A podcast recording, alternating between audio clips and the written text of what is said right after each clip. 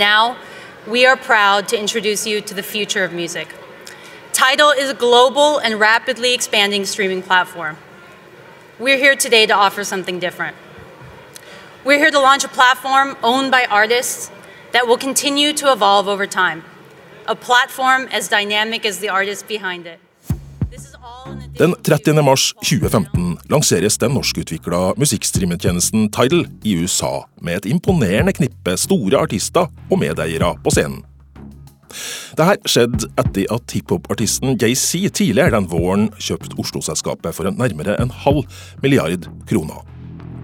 Planen var suksess, men nå i 2018 har Dagens Næringsliv publisert flere artikler som kan tyde på at strømmetjenesten har blåst opp tallene på antall brukere og hvor mange musikkavspillinger de har hatt. Hva betyr det her for vår tillit til mediestrømmetjenestene vi bruker? Kan avsløringene velte Tidal? Og hva vil skje i månedene som kommer i kjølvannet av DNs avsløringer? Velkommen til mediemagasinet Kurer. Jeg heter Lars Erik Ertsgaard Ringen.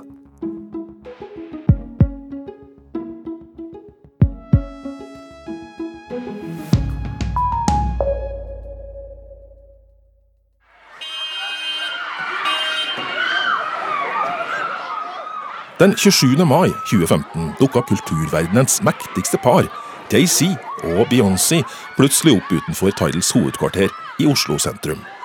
Kaoset var stort da en stor mengde fans prøvde å få et glimt av sine idoler.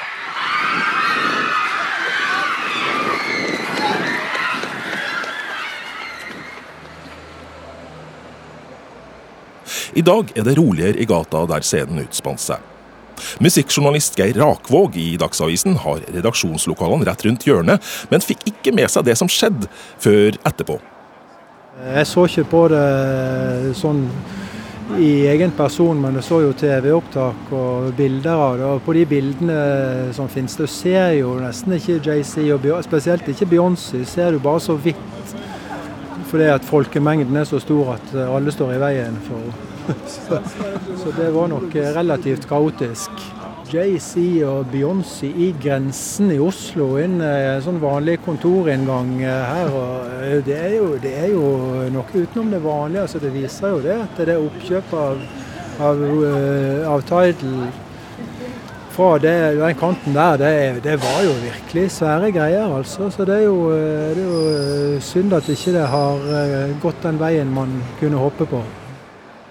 I Dagens Næringsliv har gravejournalistene Markus Tobiassen og Kjetil Sæter i flere år jobba med en avsløring etter at en kilde ga dem en harddisk med informasjon om brukerkontoene til 1,7 millioner Tidal-kunder.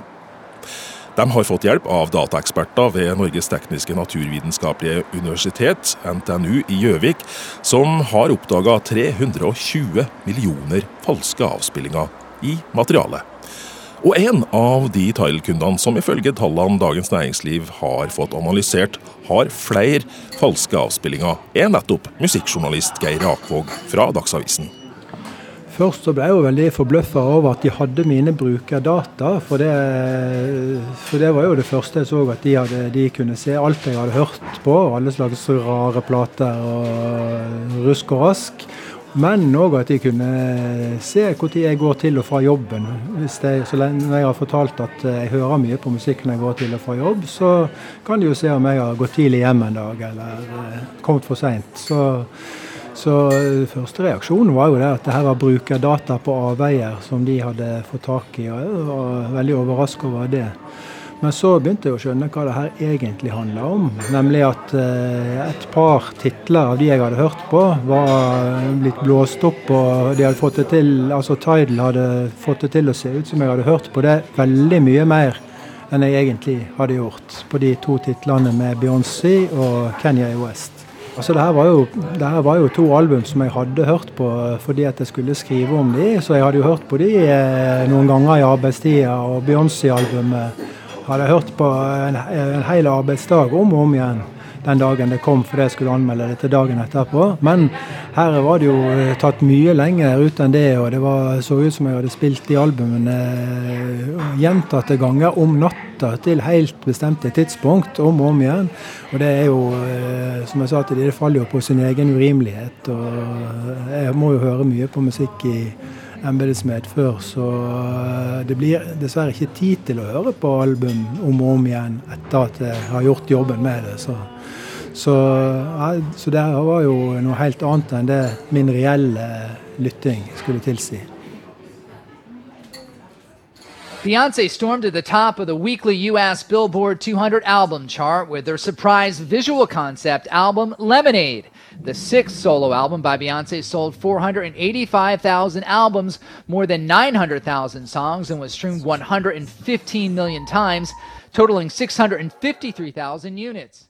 Og et av de albuma Geir Rakvåg ifølge Dagens Næringslivs har hørt mye på, Beyoncés 'Lemonade', som rekordraskt inntok førsteplassen på Billboard-lista.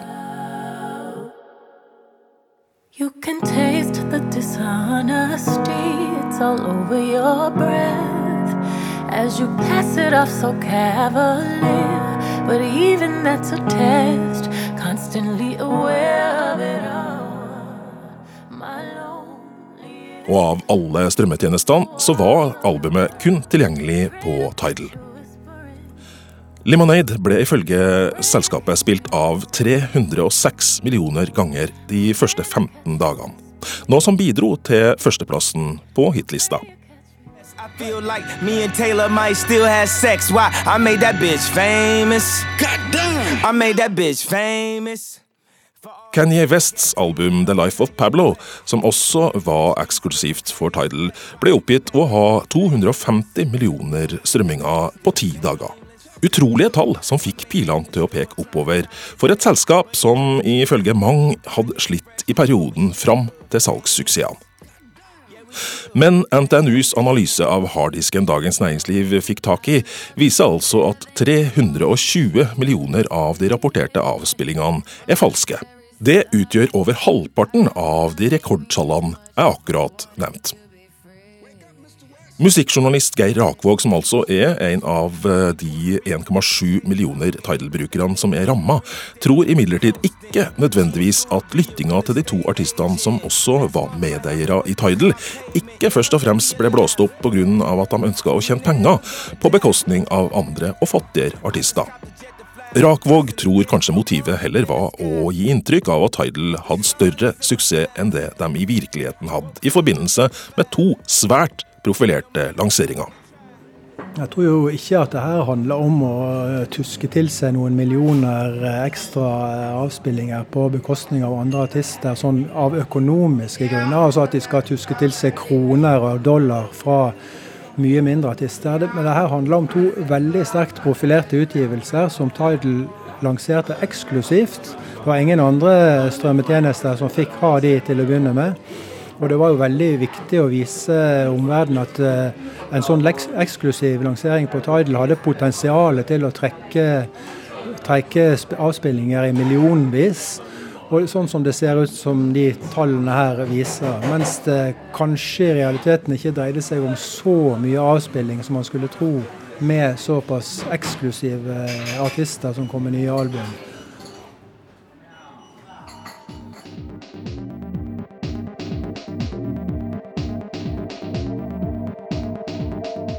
Dagens Næringslivs avsløring har fått flere artister til å trekke musikken sin fra Tidal. En av dem som har bedt strømmetjenesten fjerne sitt innhold, er elektronikaartist Geir Jensen, som kanskje er bedre kjent under artistnavnet Biosphere, og som tidligere medlem i Tromsø-gruppa Belcanto. Og Grunnen til avgjørelsen er det han kaller en omvendt Robin Hood-oppførsel.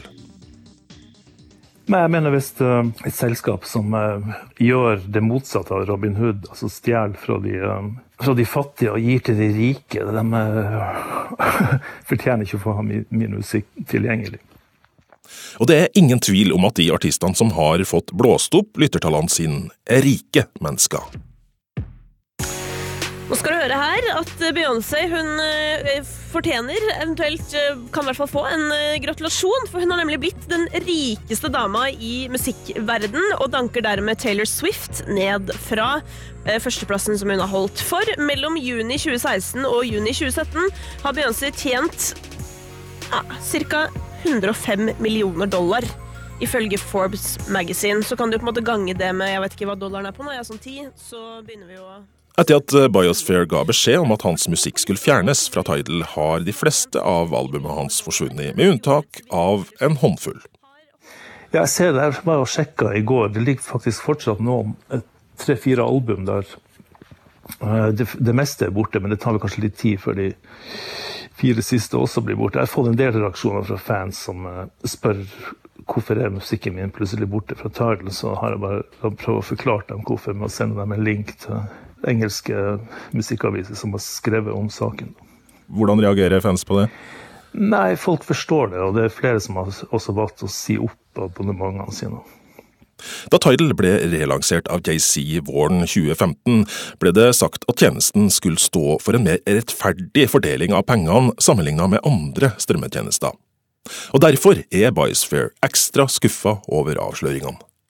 JC er jo musiker sjøl, så jeg syns det er veldig rart at en musiker går inn og kjøper opp et selskap og, må, og uh, lurer andre artister ved at, uh, ved at han fordeler royalties som han egentlig ikke skulle ha, da, til seg sjøl og sin familie. Da JC overtok Tidal, så sa sønnen min, som også er stor fan av Kenny West og JC, at uh, han ville gjerne skifte til Tidal for at det var mye bedre lyd der. Og han var veldig imponert over at Kenny West hadde blitt avspilt hele 250 millioner ganger på ei uke. Jeg tenkte jo sjøl, er det mulig med De har jo så få kunder, da. Så, um, og det viste seg jo nå i ettertid at det var falske tall, da. Men stoler artisten som har trukket musikken sin fra Tidal på de andre streametjenestene? Uh, altså jeg har ganske god erfaring med Spotify. altså Inntekten fra Spotify er betydelig mye større enn fra Tidal. Men så har de også flere kunder. Når det gjelder Apple, så tviler jeg sterkt på at de ville ha våga å gjort noe sånn som Tidal har gjort. For det ville, selskapet er så stort og det ville vært en så stor skandale at uh, ja, jeg tror ikke de hadde tort å gjort det, rett og slett. Geir Jensen, eller Bicefair som han er kjent som, som elektronikaartist, mener at Dagens Næringslivs avsløringer er svært viktige. Ja, jeg syns det er en utrolig viktig sak. for det er, Hvis det er så lett å, å jukse med streamingtall, så må man få på plass et system hvor det ikke er mulig. Altså, Jeg selger også musikk via Bandcamp, og da går uh, inntektene direkte til artisten på, via PayPal. da. Så det er helt umulig å jukse. Og det systemet fungerer fantastisk mye bedre enn Spotify og Apple Music og Tidal, etter min mening.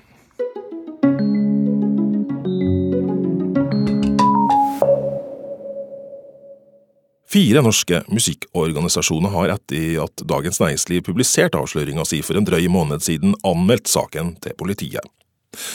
Gramart er landets største interesseorganisasjon for artister. Nestleder i styret, Daniel Norgård, forteller at denne saken først og fremst handler om tillit.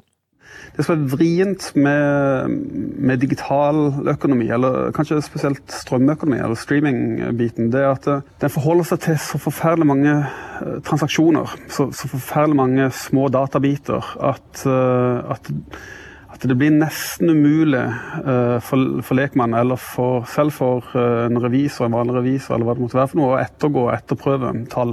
Og Det viser jo den Dags Næringsliv-saken at, at man må hente inn et toppkorps fra NTNU for å kunne gå gjennom disse store datamengdene som, som ligger til grunn.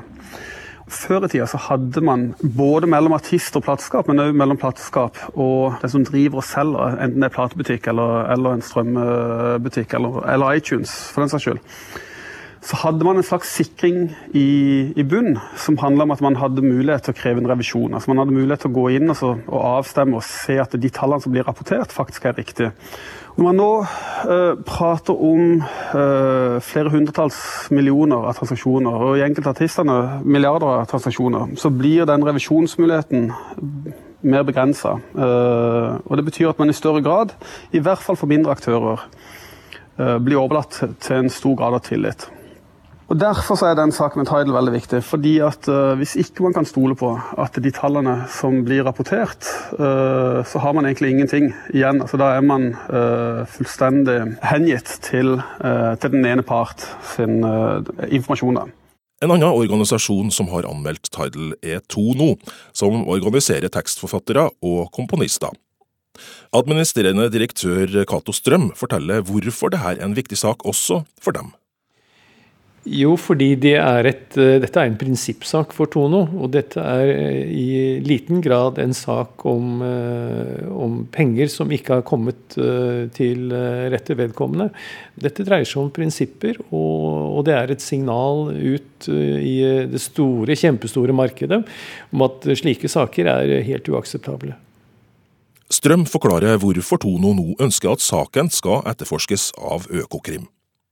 Rett og slett fordi vi ønsket å få klarhet eh, i hva som har skjedd. Og vi mente også at eh, dette må være i Tidals interesse av at eh, man kommer til bunns i saken.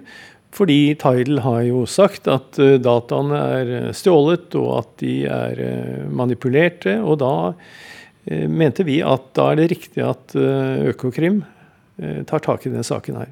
Hos Økokrim bekrefter kommunikasjonsrådgiver Mats Kvern Kleppe at de har mottatt fire anmeldelser, og at de nå vurderer om de skal etterforske saken eller ikke. Økokrim velger kun ut et fåtall viktige eller store saker hvert år som de tar tak i. Administrerende direktør Cato Strøm hos Tono er tydelig på hva han vil. Nei, får noe, Vi får nå se om Økokrim uh, vurderer slik at de vil ta denne saken her. Men vi håper naturligvis at de gjør det. For de er, de, nå er det tunge musikkorganisasjoner som har gått til anmeldelse. Det har Fono gjort, det har uh, Grammart gjort, og det har MFO gjort. Slik at uh, vi avventer Økokrims vurdering, rett og slett. Så får vi se hva som skjer. Strøm mener saken er såpass spesiell at det bør være gode grunner for etterforskning. Dette er jo et helt nytt uh, område, og dette med digital, uh, digitale forbrytelser, hvis det er det det er, det må da være i, uh, i samfunnets og Økokrims interesse av å, å få avdekket dette her. Etter avsløringa i Dagens Næringsliv har flere norske medier slått opp at Tidal har trua med å saksøke både avisa og NTNU, som altså har analysert dataene. Ifølge Dagens Næringsliv har også strømmetjenesten i tillegg engasjert tre forskjellige amerikanske etterforskningsselskap, som blant annet har oppsøkt kildene i DNs opprinnelige artikkel. Cato Strøm i Tono sier at han ikke har noe imot at Tidal sjøl etterforsker det som har skjedd. I begynnelsen syns jeg Tidal forsvarte seg dårlig, men etter hvert så har de i hvert fall kommet på banen og villet uh, komme til bunns i dette her, og det setter vi pris på. Fordi Tidal har vært en god kunde av Tono i mange år, og eh, er det fortsatt. Men hva har skjedd nå her etter at denne saken eh, kom i Dagens Næringsliv og dere leverte inn en, eh, en anmeldelse? For oss så er det, det er business as usual. Tidal betaler sine regninger, og vi avregner penger til våre rettighetshavere. Og sånn kommer det til å være fortsatt eh, så lenge Tidal eh, eksisterer. Og vi håper jo at Tidal eh, kan leve videre. Jeg tror vi trenger flere tjenester enn bare én tjeneste i, i markedet. Har det vært noe kommunikasjon mellom Tono og Tidal? Vi har hatt uh, våre kontakter med Tidal, og det er jo vårt inntrykk at Tidal er interessert i å, få, å komme til bunns i dette og få ryddet opp i det. Ja, fortell litt mer om hvordan tonen har vært i det, de samtalene dere har hatt. Ja, vi har hatt uh, et møte, og det vil jeg vel karakterisere som et, uh, et korrekt, høflig forretningsmøte. Jeg har ikke lyst til å si noe særlig mer enn det. Grunnen til at jeg spør, er at de har jo vært ganske konfronterende, i hvert fall hvis du ser gjennom media. Ja, det jeg leste i Dagens Næringsliv, det kunne jeg jo se at det var en konfronterende holdning. Men eh, Og det er vel sånn eh, amerikanske selskaper ofte opptrer. Men eh, vi hadde en veldig korrekt og businesslike tone, i hvert fall med dem. Det er tre uker siden vi i Kurer begynte å jobbe med denne saken. Det første vi gjorde, var å sende en mail til Tidal for å få en intervjuavtale. Men det var først etter flere purringer at vi ble kontakta av seniorrådgiver Daniel Barhom hos kommunikasjonsselskapet Gelmyden Kise. Han forteller at Tidal ikke ønsker å bli intervjua, og siterer en pressemelding selskapet allerede har sendt ut i saken. Tidal har nå engasjert et tredjeparts cybersikkerhetsfirma som skal undersøke alle sider ved datainnbruddet, inkludert påstander om manipulasjon av data. Selskapet avviser og bestrider disse påstandene. Videre mener Tidal at artikkelen i Dagens Næringsliv viser en manglende forståelse for hvordan utbetalinger til artistene fungerer. Økte midler går ikke til artistene, men til plateselskapene. Deretter avhenger det av artistenes individuelle avtaler med plateselskapene om hvordan utbetalingene fungerer. Tidal har ikke lov til å kommentere detaljene i artistenes avtaler, men de kan si at verken de to spesifikke artistene eller Tidal fikk noen økonomiske fordeler fra noe påstått økning i antall strømminger. Tidal ser frem til å dele funnene fra undersøkelsene når gjennomgangen er gjennomført.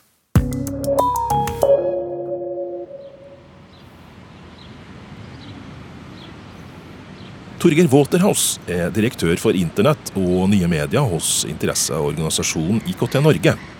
Kurer møtte Waterhouse på en benk i Slottsparken for å snakke om Dagens Næringsliv sine avsløringer av Tidal. Waterhouse starter med å slå fast at han ikke direkte er sjokkert over at det dukker opp en slik sak. Det er ikke noe overraskelse at muligheten er der. Det er ikke noe overraskelse at noen kan tenke tanken. Og det er heller ikke noe overraskelse at at noen kanskje skulle prøve seg på, på et eller annet på et databasenivå for å, å, skape en eller annen form for vinning. Men uh, at en aktør som Tidal har dette gående hos seg, det er overraskende. Så gjenstår det selvfølgelig å se da, hvem har gjort hva her.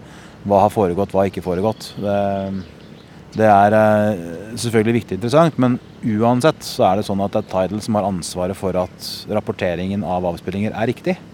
Det er de som har ansvaret for at systemet deres fungerer som det skal, og ikke registrerer avspillinger som ikke har skjedd, eller registrerer avspilling på deg som du ikke har gjort, osv. Torgeir Waterhouse har satt seg grundig inn i avsløringene til Dagens Næringsliv og analyserapporten til NTNU på Gjøvik. Det har gjort han sikker på at det her er en sak. Ja, det har definitivt skjedd noe. Så er jo vurderingen eh, er dette en feil. Altså er det rett og slett en, altså det, det kan være så enkelt som at noen har forsøkt å lage et system som de bare skulle teste, og så har de endt opp med å stappe den vanlige koden, og så er det årsak, det som foregår. Jeg har vondt for å tro at det er det. Eh, men noe har jo skjedd her som gjør at du har fått et avspillingsmønster som opplagt er manipulert. Om det er noen øverst, om det er noen midt nede i organisasjonen, hvem det er, det, det, håper jeg de finner ut av. Men uh, noe har skjedd med dataene, og det er viktig å huske på at data manipuleres ikke helt plutselig av seg selv. Tidligere i programmet hørte vi at både artisten Biosphere og interesseorganisasjonen Grammart er bekymra for at tilliten i bransjen skal undergraves. Torgeir Waterhouse deler den bekymringa. Det er helt sentralt i hele kulturindustrien, fordi at uh, utbetalinger og avtaleinngåelser osv. henger jo tett sammen med hvor mye noe avspilles eller vises eller hva det måtte være. Så det er viktig der. Så det er, jo en bærebjelke i, eh, i den, næring, den næringssektoren. Men samtidig så er det sånn at uh, den saken viser veldig godt at uh, vi er helt avhengig av å kunne stole på alle de dataene vi har om oss rundt omkring hos mange forskjellige aktører. Og dataene i systemene til de forskjellige aktørene, om det er offentlige eller private, ligger til grunn for alle behandlingene og vurderingene som gjøres. Vår tillit til data er helt sentral, og hvis vi slutter å stole på de forskjellige databasene som er rundt omkring, ja, da stopper mye av samfunnsfunksjonen opp.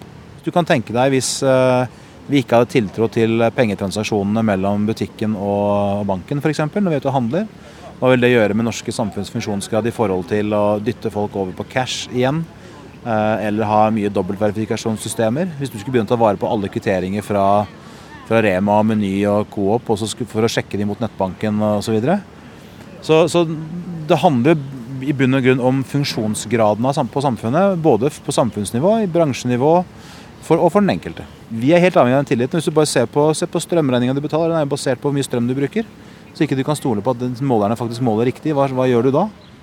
Direktøren for internett og nye medier i IKT Norge sammenligner det som er i ferd med å skje i Tidal, med dieselskandalen som ramma Volkswagen. Han mener slike saker reiser viktige samfunnsmessige utfordringer. Går man til denne dieselskandalen til Volkswagen, så er også, også noe av samme problemstilling. Noen har tatt beslutningen om å lage et system, kodet system, som, eh, som, lurer testsystemet. Som skjønner at nå er bilen kobla til et måleapparat, og dermed oppfører, får motoren til å oppføres annerledes. Det kan selvfølgelig være at noen har visst nøyaktig hva de var med på, men det kan også være at det er, det er bestillinger av utvikling og kode til enkeltutviklere som har vært så brutt ned at ikke noen har kunnet se det store bildet. Er vi der at utviklere skal kunne nekte å utvikle noen type kode til noe formål? Sånn som journalister kan nekte å utlevere kilder, eller soldater kan nekte å utføre ordre? Jeg tror det er viktig at vi har en vurdering av, eh, av det, og hvilken kompetanse man trenger på de forskjellige leddene i teknologisk utvikling. Tilbake i den kombinerte platebutikken og kafeen Bare Jazz rett over gata for det lokale hvor Jay-Z og Beyoncé besøkte Tidal for tre år siden, skjør musikkjournalist Geir Rakvåg på vinylplatene. Men sjøl om han har fått innblikk i bevis som tyder på at Tidal har juksa med kontoen hans, innrømmer han litt beklemt at han fremdeles er kunde. Ja, jeg er det, for å bare innrømme det. For min egen personlige del så er det jo eh, så er jeg litt treg på sånne ting. Og fortsatt så er det jo sånn at Tidal har ting som Spotify ikke har.